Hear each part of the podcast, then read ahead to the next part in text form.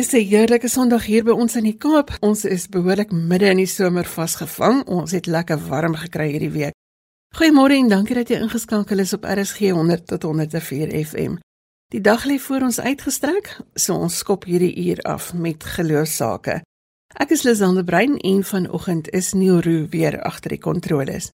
Ek hoop vanoggend die boodskap van hoop met jou te deel deur ons gesprekke sodat jy miskien 'n bietjie vryliker kan asemhaal veral nou in hierdie tyd waar ons almal bang is om bymekaar asem te haal en om jou bekommernisse agter te laat terwyl ons mense se stories vertel hier in Sondagjoernaal. Vanoggend gesels ek met dokter Stefan Joubert oor leierskap. Ons gaan heelwat hoor in die nuus oor leierskap hier in die komende tyd en veral miskien ook in die kerk, maar ons gaan 'n bietjie vra wat sê die Bybel oor leierskap. Andrew buitendag gesels met ons oor die Jan Frederik voeltjie. Nee, so nou dink dit is vreemd, maar ons kyk na die skepping en hoe God alles gemaak het. Dominee Christe Vries gesels oor sy gemeente in Bloemfontein. Hy is daar by die studentegemeente en die akteur Eddie Newman deel met ons sy uitkyk op die lewe na sy tradisionele inisiasie in Desember. Jy kan deelneem aan die gesprekke per SMS. Die nommer is 45889. Elke SMS kos jou R1.50. Jy sal ons ook kry op Facebook onder Sondagjoernaal. Daar is al die inligting van ons programme gelaai, maar jou hoofbron van inligting is RSG se webwerf en die adres daar is rsg.co.za. Trek nader jou koffie en kuier rustig saam met ons. MUZIEK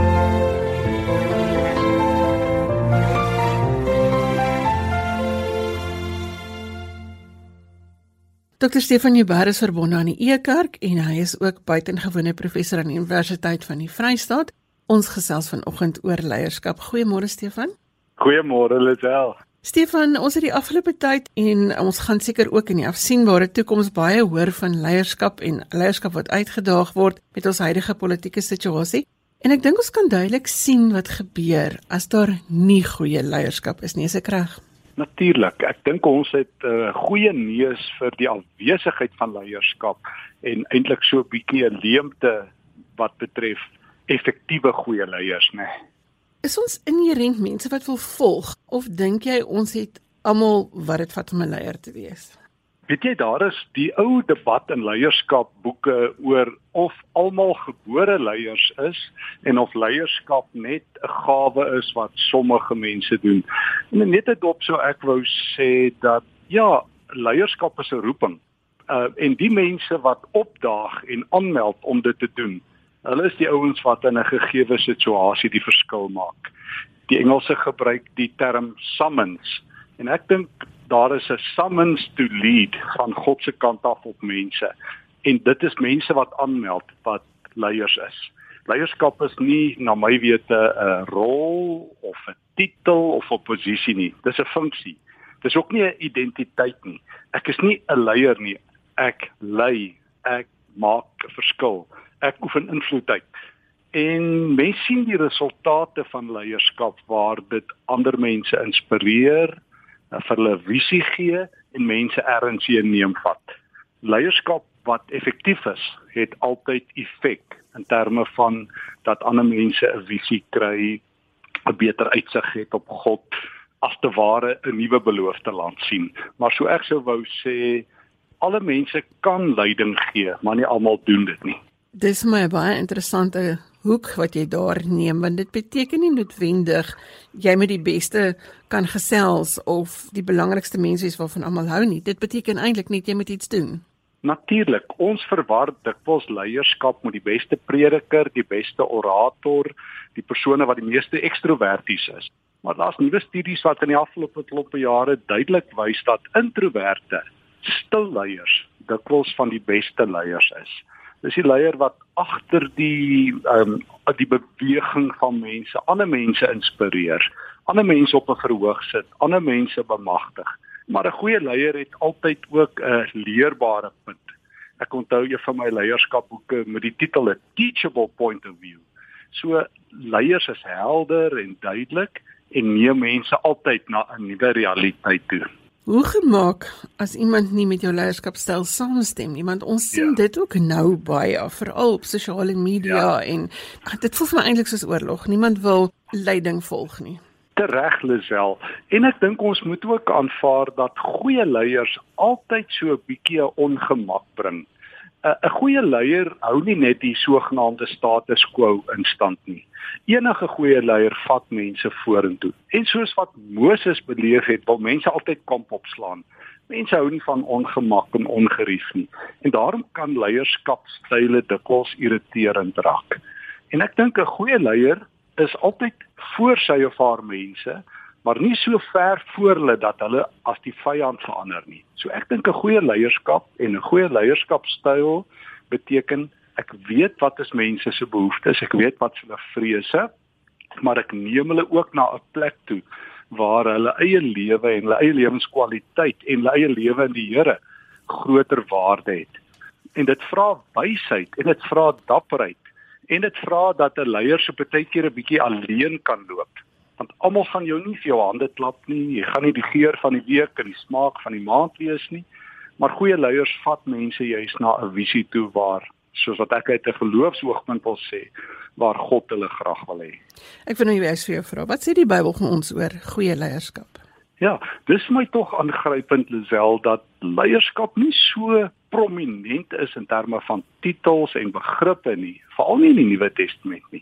Dit lyk vir my die Nuwe Testament is duidelik dat Jesus ons leier is en ons almal is in die eerste plek geroep om hom te volg. So hy is ons leier en ons vervul leierskap as 'n soort gawe en as 'n opdrag wanneer ons ander mense as te ware vat na die Here toe maar hierdie betitelde leiers, hierdie afgesonderde paar individue, die Nuwe Testament dink met name nie regtig meer so nie. Daarom wanneer ons byvoorbeeld uh, kerkleiers het, is hulle heel eerste rol om 'n funksie te vervul. Nie om 'n titel te hê en 'n posisie te hê en mag oor ander te hê nie. So die goeie leiers van die Nuwe Testament is diensknegleiers dit is om aanhouens op my skouers te tel en vir hulle die visie te wys van Christus.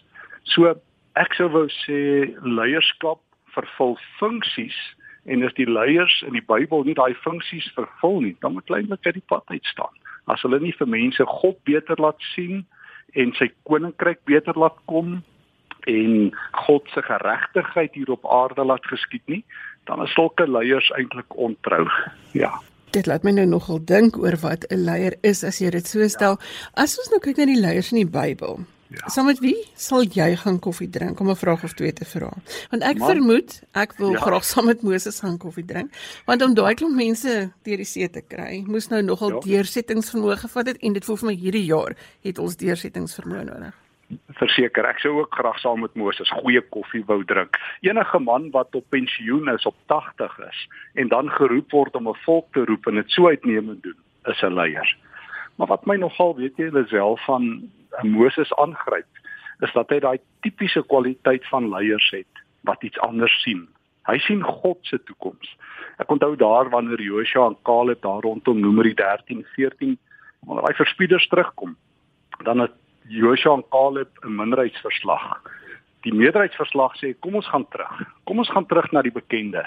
Daar in Egipte gaan ons doodgemaak word, maar ons gaan daarom steak and chips dalk eet vir 'n laaste ete. Maar Joshua en Caleb sê kom ons gaan.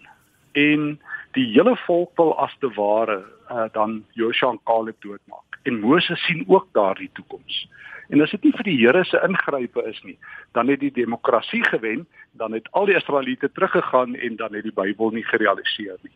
So Moses kan in kritiese situasies kon hy God se pad sien. En ek dink goeie leierskap beteken nie ek ignoreer mense nie. Ek luister na mense.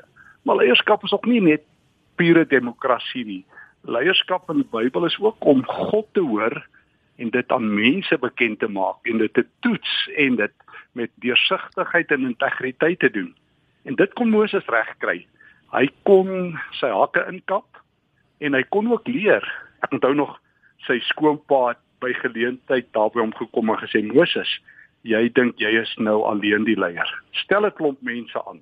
Delegeer 'n bietjie jou verantwoordelikheid. So ek leer by Moses dat hy self ook gegroei het in sy leierskap. Hy het die moed gehad om God se wêreld te sien, maar hy het ook die moed gehad om goeie mense wat sterk is rondom hom aan te stel. En dis ook goeie leierskap. Leierskap is nie, ekskuus vir die beeld, so 'n uh, lone ranger nie. Ek is die baas nie.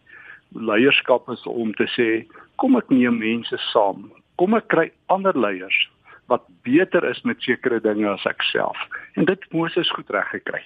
Stefan, ek kan nou behoorlik nie stil sit op my stoel nie. Ek wil nou begin hop want dit voel vir my ons moet meer hieroor gesels. Ja. Oor hierdie hoek van leierskap is 'n ding wat jy doen. Dit is nie iemand wat jy is ja. nie. Baie dankie Stefan vir die samestelling. Dr. Stefan Jubber, verbonde aan die E-kerk en ook buitengewone professor by die Universiteit van die Vrystaat. Baie dankie Stefan vir jou tyd en uh, ons gaan binnekort weer met jou hieroor gesels. Baie dankie Lisel vir julle vir julle. Jy is ingeskakel op RSG 100 tot 104 FM. Ons bring stories met inspirasie en dankbaarheid en hoop en ek hoop ons kan hierdie jaar vir jou inspireer om ook meer doelgerig te wees. Gemaak gerus 'n draai op RSG se webblad by rsg.co.za as jy inligting oor ons program wil hê. Alles is daar gelaai, as ook die kontakbesonderhede van ons gaste, maar dit is ook op ons Facebookblad onder Sondagjoernaal. Ek hoor graag van jou by 45889 teen R1.50 per SMS, dan weet ek sommer dat ek nie alleen wakker is nie.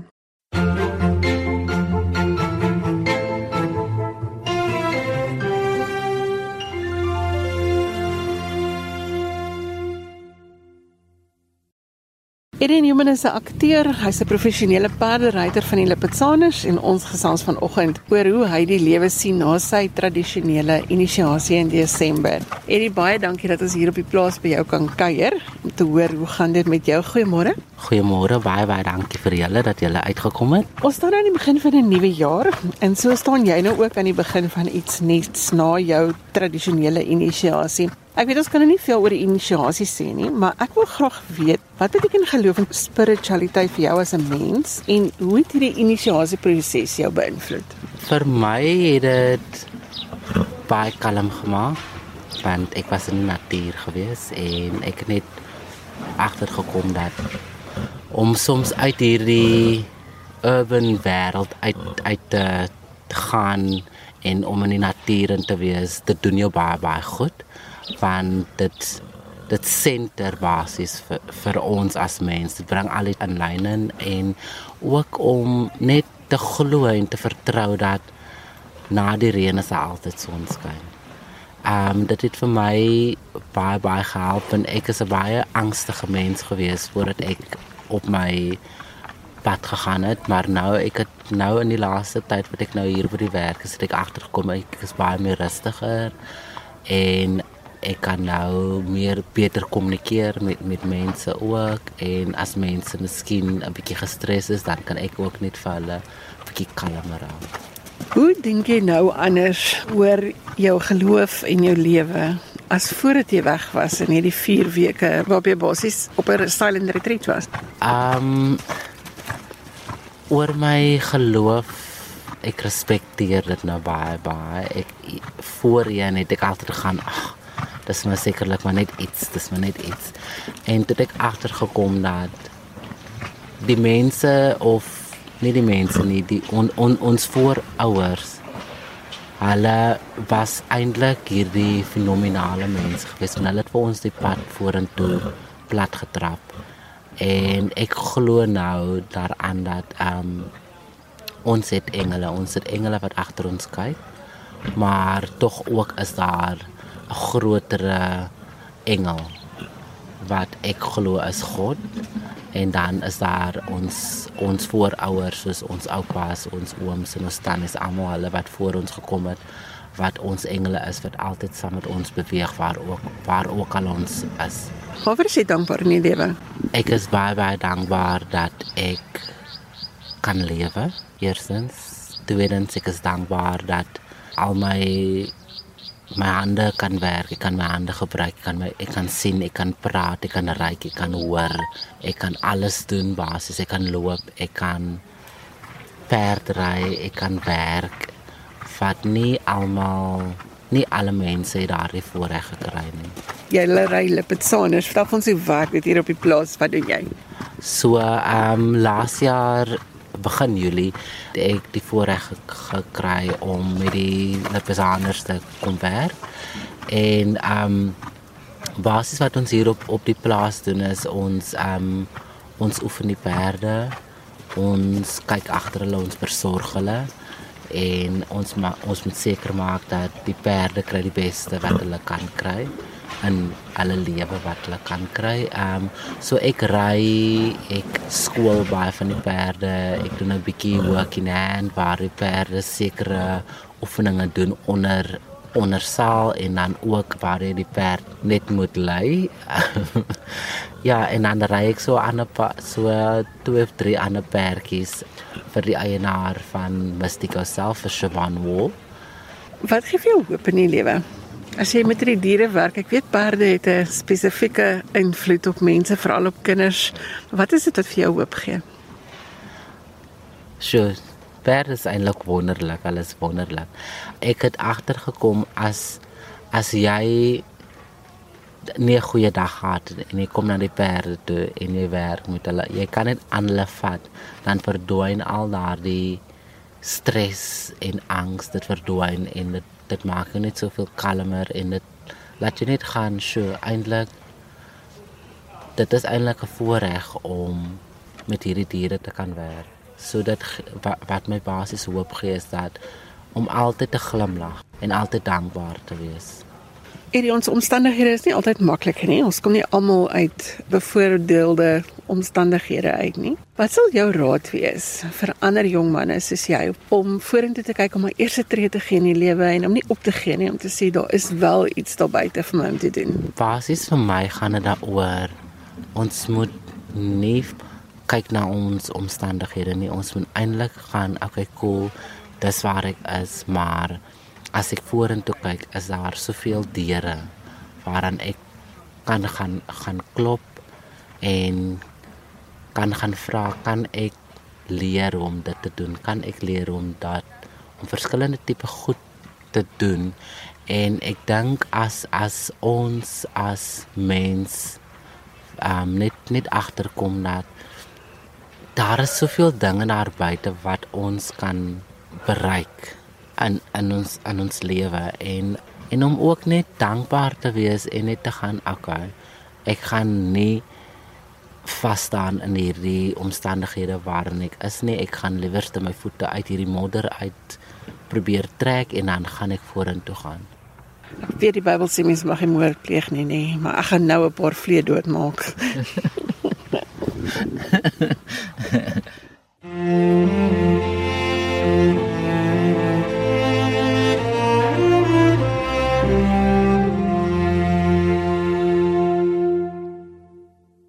Andrew Buitendag is argitek en toergids en hy is ook van die SA Birds and Wildlife.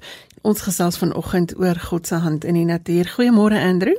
Goeiemôre Lisel. Baie dankie vir die geleentheid. Andrew het nou die dag groot huismoelies veroorsaak toe ek 'n voelnesie wat so knus in my vetplanttuintjie gemaak is uitgehaal het en weggegooi het. So sê asseblief vir my hulle sal terugkom, anders is ek bevrees as ek in groot moeilikheid. Lisel, ek het ongelukkig vir jou slegte nuus. Daar's baie gevalle waar voeltjies op terugkom weer, weet, maar ongelukkig as hulle nes versteur is dan dan gaan hulle nie sommer maklik gou weer terugkom. Maar wat jy wel kan doen is jy kan net die area vir hulle veilig maak en jy kan hulle probeer teruglok met kos en wie weet, miskien um, miskien is hulle gelukkig en dan sien jy hulle weer binnekort. Dit is nou nie die regte antwoord. jy moes my gewaarsku dat ek 'n paar ore kon toedruk voor jy dit gesê het. Ek het nou die dag geluister na 'n gesprek wat jy met Janine gehad het oor Jan Frederik. En daar het jy 'n baie mooi storie vertel oor hoe hulle nes skoonmaak. Vertel vir ons van hierdie besondere voeltjie. Ja, weet jy Jan Frederik is 'n baie algemene voël in Suid-Afrika. En ehm um, hulle kom oor meeste van die land voor. Die enigste plekke regtig waar hulle nie in Suid-Afrika voorkom nie, is in die baie droë dele soos in die Karoo en in die Kalahari.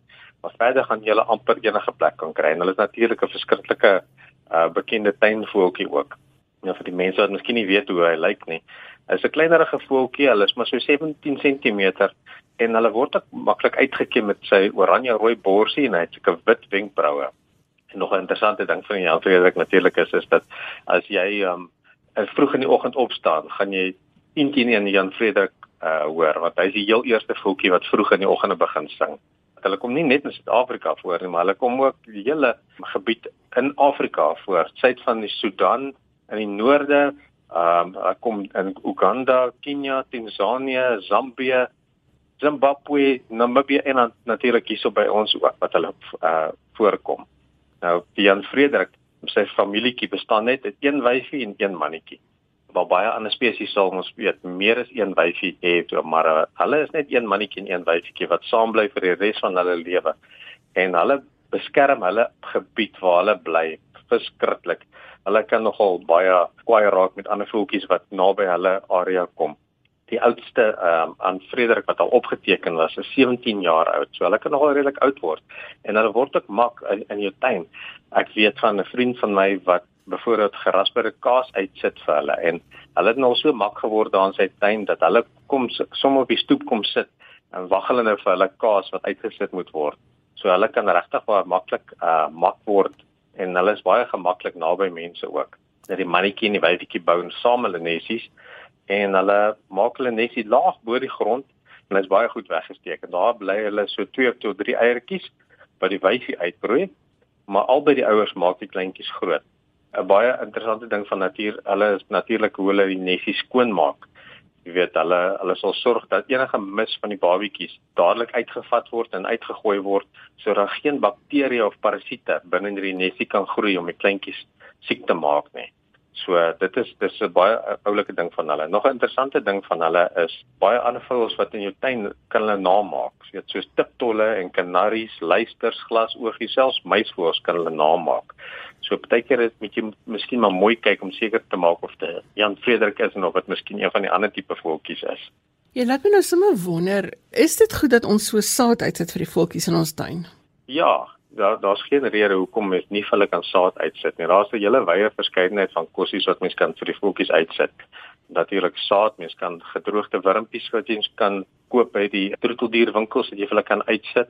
Daarso is 'n hele verskeidenheid van kosse, maar ja, daar's geen rede hoekom nie, want die ding is is dat ons het hulle hele natuurlike area het ons kom bederf met ons tuine en ons goeder. Sodat ek dink dit is net reg om hulle te help en en aan te vul, hulle dieet aan te vul solank 'n mens net nie vir hulle verkeerde goeders uitsit nie. En een van die goeders wat ek altyd hoor wat mense uitsit is brood of rys of so. Daai goeders is ongelukkig nie baie goed vir die voeltjies nie. Ander jy het 'n ander mooi storie vertel uh, wat jy geraak gelees het van moeder Teresa wat sy geskryf het oor die voeltjie en Jesus se doringkroon. Vertel ons daarvan. Ja, weet jy, ek is maar altyd probeer ek maar meer oplees oor die voeltjies en bietjie meer leer en so wanneer mense mense so uitvat op toere en so, dan um, hou ek daarvan 'n bietjie vir hulle meer inligting te gee. En toe kom ek af op hierdie interessante storieetjie van moeder Teresa. Sy het 'n boek geskryf met die naam van No Greater Love. Daarin het sy beskryf hoe Jesus aan die kruis gehang het. En ehm um, daartoe uh, Jan Frederik al om Jesus op die kruis begin vlieg. Jesus het natuurlik die doringkroon op sy kop gehad en hierdie klein Jan Frederik het probeer om die dorings van hy doringkroon te verwyder uit Jesus se kop uit. In die proses het hy natuurlik homself raak gesteek met van hierdie dorings en dit is hoekom sy bors so rooi is. Maar punt is is dat hy probeer so klein soos wat hy is, het hy probeer om Jesus se pyn te verlig deur net een doring te verwyder. Weet, dis die punt wat sy probeer maak het is is dat die kleinste dingetjie wat iemand kan doen kan miskien iets vir iemand anders te beteken. Iemand anders se pyn verlig. Jy weet, uh, om om om al is dit net om een doringkie te verwyder uit daai doringkroon uit. Dis vir my so mooi storie, dit maak nie saak hoe groot jy is nie, jy kan iewers 'n verskil maak. Andrew, waarvoor is jy dankbaar in die lewe? Ons lees in Romeine 1, hulle dit vertel van die onsigbare eienskappe van God in die skepping en hoe dit duidelik word. Waarvoor is jy dankbaar in die lewe? Ek dink die eerste ding wat by my opkom is, is ek is dankbaar vir my gesin. Jy weet, ek het um, self deur 'n baie moeilike tyd in my lewe gegaan en um, ek kon bevoorraad nie kinders gehad het nie en uh hoe die Here net gekom het en en ons geseën het met 'n regtig met 'n met 'n wonderwerk en met 'n ongelooflike vrou met en 'n gesin weet en en ons eie kinders en so so ek dink die grootste ding waarvoor ek kan sê waarvoor ek dankbaar is is my vrou of en ons gesinnetjie ja. Watter rol speel geloof in jou lewe Andrew?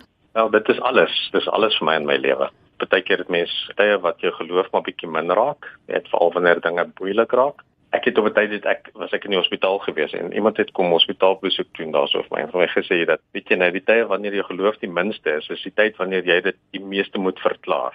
Hoe meer jy dit gaan verklaar met jou mond, hoe meer gaan jy dit begin glo ook. So al is dit die moeilikste tyd van jou lewe, verklaar daai geloof. Verklaar wat wat God vir jou gaan doen. Verklaar dit, sê dit hardop, weet, laat jy dit self hoor ook. en so gaan dit 'n lewendige ding binne in jou ook word. En so gesels Andrew Buitendag. Hy is van die SA Birds and Wildlife op Facebook. Hy's ook 'n argitek en 'n toergids. En ons het 'n bietjie gesels oor die Jan Frederik en natuurlik het jy nou my huismoelies groter gemaak want ek sal nou moet gaan bedaar daar met die nesie wat ek weggegooi het. Maar Andrew baie dankie. Ek sal ek sal nou moet 'n plan gaan maak daar. Baie dankie vir die saamgesels en dankie dat ons by jou kon inloer en dat jy jou geloof storie met ons gedeel het. Baie dankie Lisel en sterkte daarso. Vanoggend is dalk 'n goeie oggend om in jou tuin te gaan rondstap of om iewers 'n park te soek sodat jy die natuur kan ervaar en kan waardeer sien daai klein goedjies raak en sê dankie daarvoor. Die woord dankie is so 'n klein woordjie, maar die impak daarvan is so groot. Stuur ons 'n SMS om te sê waarvoor jy dankbaar is en deel dit ook vanoggend met iemand in jou huis. Mm -hmm.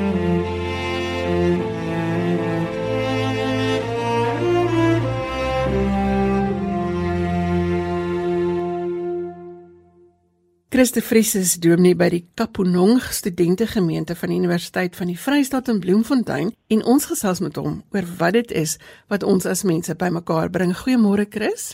Môre Lisel en almal wat saam luister. Dankie vir die geleentheid. Vertel ons van jou gemeente in Bloemfontein en hoekom julle weeklikse bymekaar kom bron genoem word.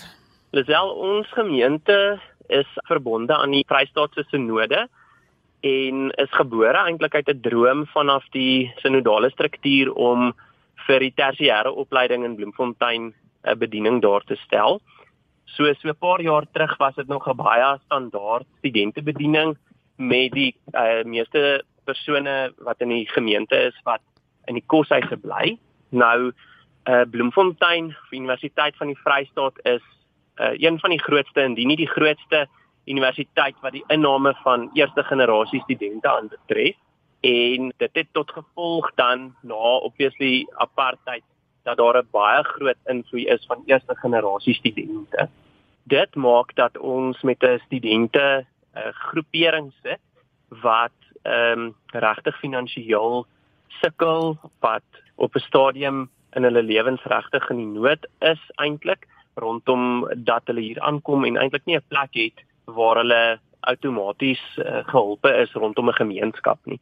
So uh, ons het dit uh, as 'n geleentheid gesien om jy weet spasies te te skep waar ons regtig intentioneel probeer mense bymekaar uitbring van all walks of life. Daarom het ons dan nou besluit ons gaan in die middel van die week of op 'n Dinsdag aand 'n geleentheid daar stel met die naam Bron. Hoekom ons dit Bron noem is ons gebruik die storie van Jesus wat die Samaritaanse vrou by die put ontmoet en ons sê dit is eintlik die putte van die lewe, die plekke waar ons dors geles word is, is telkens die plekke waar mense bymekaar kom. So 'n lang antwoord, maar op die ou end is ons gemeente uh se droom is om 'n plek te wees van samekoms, 'n plek waar ons mekaar kan ontmoet, waar ons uit verskillende uh lewenspaaie by een bron kan bymekaar kom om ons dors te lê.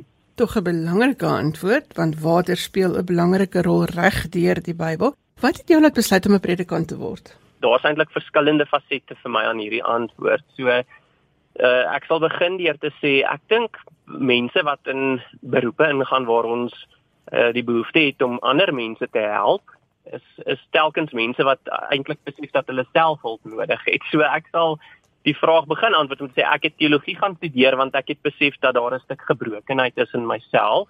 Dit was dalk nie 'n eerste bewustelike ehm um, siening nie. Dit dit was dalk meer onderliggend, maar daar's 'n stuk gebrokenheid en 'n stuk soeke in myself rondom eh, die goddelike, rondom eh, wat is dit wat God van my verwag? Wat is dit wat hy van ons in die lewe vra?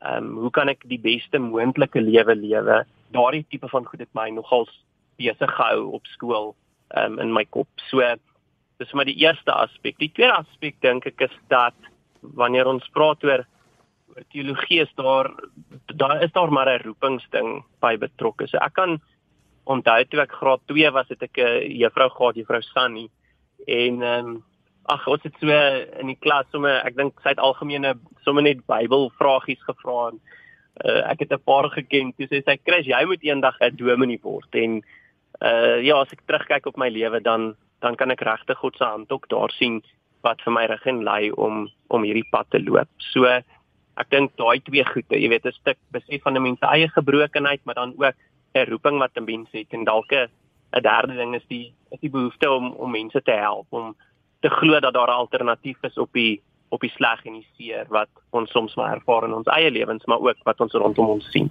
As ons 'n bietjie kan stil staan by jou gemeente, dink jy dit is belangrik dat 'n gemeente groot is sonder 'n regte impak of kan dit maar 'n klein gemeente wees wat 'n verskil maak? Moet ons noodwendig 3000 mense hê of kan ons 30 hê en daardie 30 maak 'n groot verskil? Ek dink ons ehm um, wanneer ons die vraag begin vra oor gemeentes en gemeente wees, ehm um, sou ek eintlik eerder wil ehm um, stil staan by hoe ons gemeente wees definieer want ek dink verskillende kontekste vra vir verskillende tipes gemeentes en uh ek dink groot gemeentes, makrogemeentes waarvan daar 'n klomp in ons land is, het het 'n baie mooi rol wat hulle speel in die sin van dat hulle gemeentelede of persone in die samelewing mooi kan toerus. Daar's nog 'n meta-narratief wat hulle in 'n samelewing uh kan raak sien en kan op inspel. Ehm um, klomp mense wat bymekaar kom en uh, 'n instansie befonds om om mooi werk te doen. Daar's daar's vir my tog mooi goede daaraan, maar ehm um, wanneer ek inzoom op Kopanong op die studentebediening wat ons hier in Bloemfontein het, dan dink ek is die model waarvoor ons kies is 'n intentionele kleiner model. En die rede daarvoor is dat soos ek vroeër gesê het, uh, een van die drome van Kopanong is om 'n plek van samekoms te wees, plek van bymekaarkoms te wees. Ons ervaring het net vir ons geleer dat dat hierdie goed eintlik eerstens en net in verhoudings gebeur. So ons het nie so breed gegaan nie, maar ons probeer diep gaan en daarvoor het 'n mens klein groepies nodig. 'n Mens het nodig dat uh, ons definisie van gemeente wees 'n uh, bietjie uitgedaag word en verander word. Dat dit nie net die quick fix Sondag 1 uur of 2 uur lange diens of of samesyn is nie, maar dat dit 'n regtig diepgaande gemeenskap met mekaar is. Een aspek uh, van ons gemeente is die Echo Huis wat ons saam met Jaco Strydom hulle aan die gang het en uh, daarso het ons ons eie slogan amper gekoin en dit is we are going to love until it hurts. En om liefde het tot dit seer maak vra dat 'n mens in diep verhouding staan dat 'n mens bereid is om mekaar te verdra en met mekaar te hanteer en mekaar uit te sort en mekaar te konfronteer en mekaar lief te hê. So ek dink die oorspronklike bedoeling as ek dit nou maar so eenvoudig kan stel is dat as Jesus gesê het julle is my liggaam dan is dit klein groepies waarin ons intentioneel kies om mekaar diep lief te hê. Christie, een vraag wat ek nie kan wag dat jy dit moet antwoord nie, want ek dink ons almal wil by mekaar leer. Is waaraan hou jy vas as dinge 'n klein bietjie rof gaan? dis wel ehm um, ja, dit is dit is 'n belangrike vraag want ek dink die die lewe wys ons mos dat dit eintlik maar meestal rof gaan. Ons kry altyd iets om oor te kla en uh, goed ontstel ons maklik ek het onlangs ook in 'n onderhoud gesels saam met Hugo Jaco Strydom en hy vra toe ook vir my die vraag en uh toe dink ek sommer dadelik aan daardie fliek The Prince of Egypt wat ek dink um, Spielberg gemaak het. En uh my kinders is nou klein so ek kyk gedurig uh The Prince of Egypt en daarso is 'n 'n stukkie in die fliek waar Moses by die brandende bos uitkom en dan gaan God met hom in gesprek en dan op 'n stadium dan sê Moses ek kan nie soos wat ons uit die Bybel verhaal ken en dan konfronteer God hom eintlik met wie hy is as God en dan versag God se stem en dan sê hy ou Moses. Nou dis vir my verskriklik mooi dat God ons in ons uh, teestribbeligheid en ons wanhoop in ons moeilikheid en ons kwaad wees dat ek dink God ons maar net weer met sy sagte stem benader en vir ons sê ou Chris of Oel is hel of wat ook al die die luisteraar se naam is. So ja, dit gee my hoop dat ons kan glo in 'n God, dat ons kan vashou in 'n God wat ons verstaan in ons verlorenheid, dat hy saam met ons op reis is. So iets van die uh Immanuel beginsel dat hy met ons is. Dit gee my gemoedsrus eintlik. Waarvoor is jy dankbaar in die lewe? Dis 'n baie stereotypiese antwoord, maar vir genade. Ek besef dat as ek terugkyk, is is daar 'n duisend goed wat ek gedink het ek dalk kies of nie kies nie, maar in in 'n terugkyk besef ek dat dit absoluut net genade is dat God uh, se hand so intrinsiek in gewrimmel is in ons lewens dat ons regtig eintlik nie sonder hom um, kan of wil klaarkom nie. So byvoorbeeld in die vraag wat jy gevra het oor teologie. Dit klink dalk net na 'n loopbaanskeuse of die keuse byvoorbeeld dat ek uh, getroud is met Dio Marie, my vrou. Dit dit klink asof dit net 'n jy weet 'n goed deurdagte keuse van menslike kant af is, maar ek besef dat ehm um, ja, God maar al die al die toutjies vashou, jy weet en, en uh, daarin is vir my 'n klomp genade. So ja, ek is baie baie dankbaar vir dit. In sy gesels doen die Christe Vries, hy is van die Kaponong studentegemeente in die Vrystaat. Chris, dankie dat ons by jou kon inloer vanoggend. Dankie Lisel, mooi dag verder hoor. En met daardie inspirerende storie maak ons die boek toe vanoggend en ek sê dankie vir my gaste Dr Stefan Joubert, Andrew Buitendag, Christe Vries en Eddie Newman. Jy kan vir my e-pos met kommentaar of as jy 'n geloostorie met ons wil deel of 'n dankbaarheidstorie of as jy vir ons wil vertel waar doelgerigtheid in jou lewe 'n rol speel, dan kan jy vir my e-pos stuur. My adres is lazel@wwmedia.co.za. Daar's net twee W's, wwmedia.co.za www.rsg.co.za